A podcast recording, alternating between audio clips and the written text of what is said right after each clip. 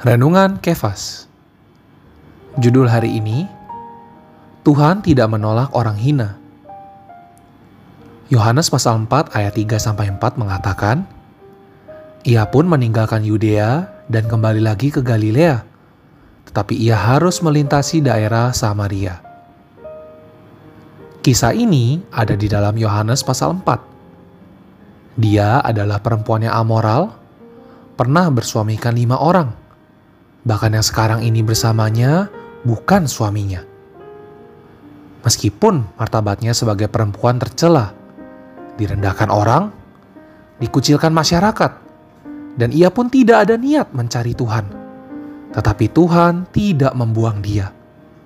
Malahan datang mencarinya. Tuhan tahu di mana ia berada dan bagaimana latar belakang kehidupannya. Tuhan tahu benar kapan ia akan datang menimba air di tempat itu. Karena itu, Tuhan sengaja datang ke sana menantikan dia. Ini bukan kebetulan, melainkan Tuhan memang khusus mencari dia.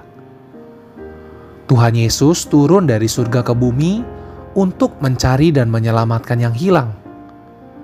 Semakin orang itu hilang, berdosa besar, ia semakin dicari dan diselamatkan oleh Tuhan.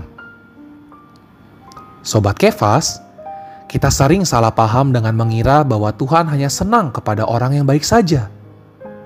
Tetapi ternyata Tuhan sendiri datang untuk mencari orang yang hilang, orang yang jahat, orang yang hina. Tuhan tidak menolak orang demikian, bahkan ingin menemukan mereka.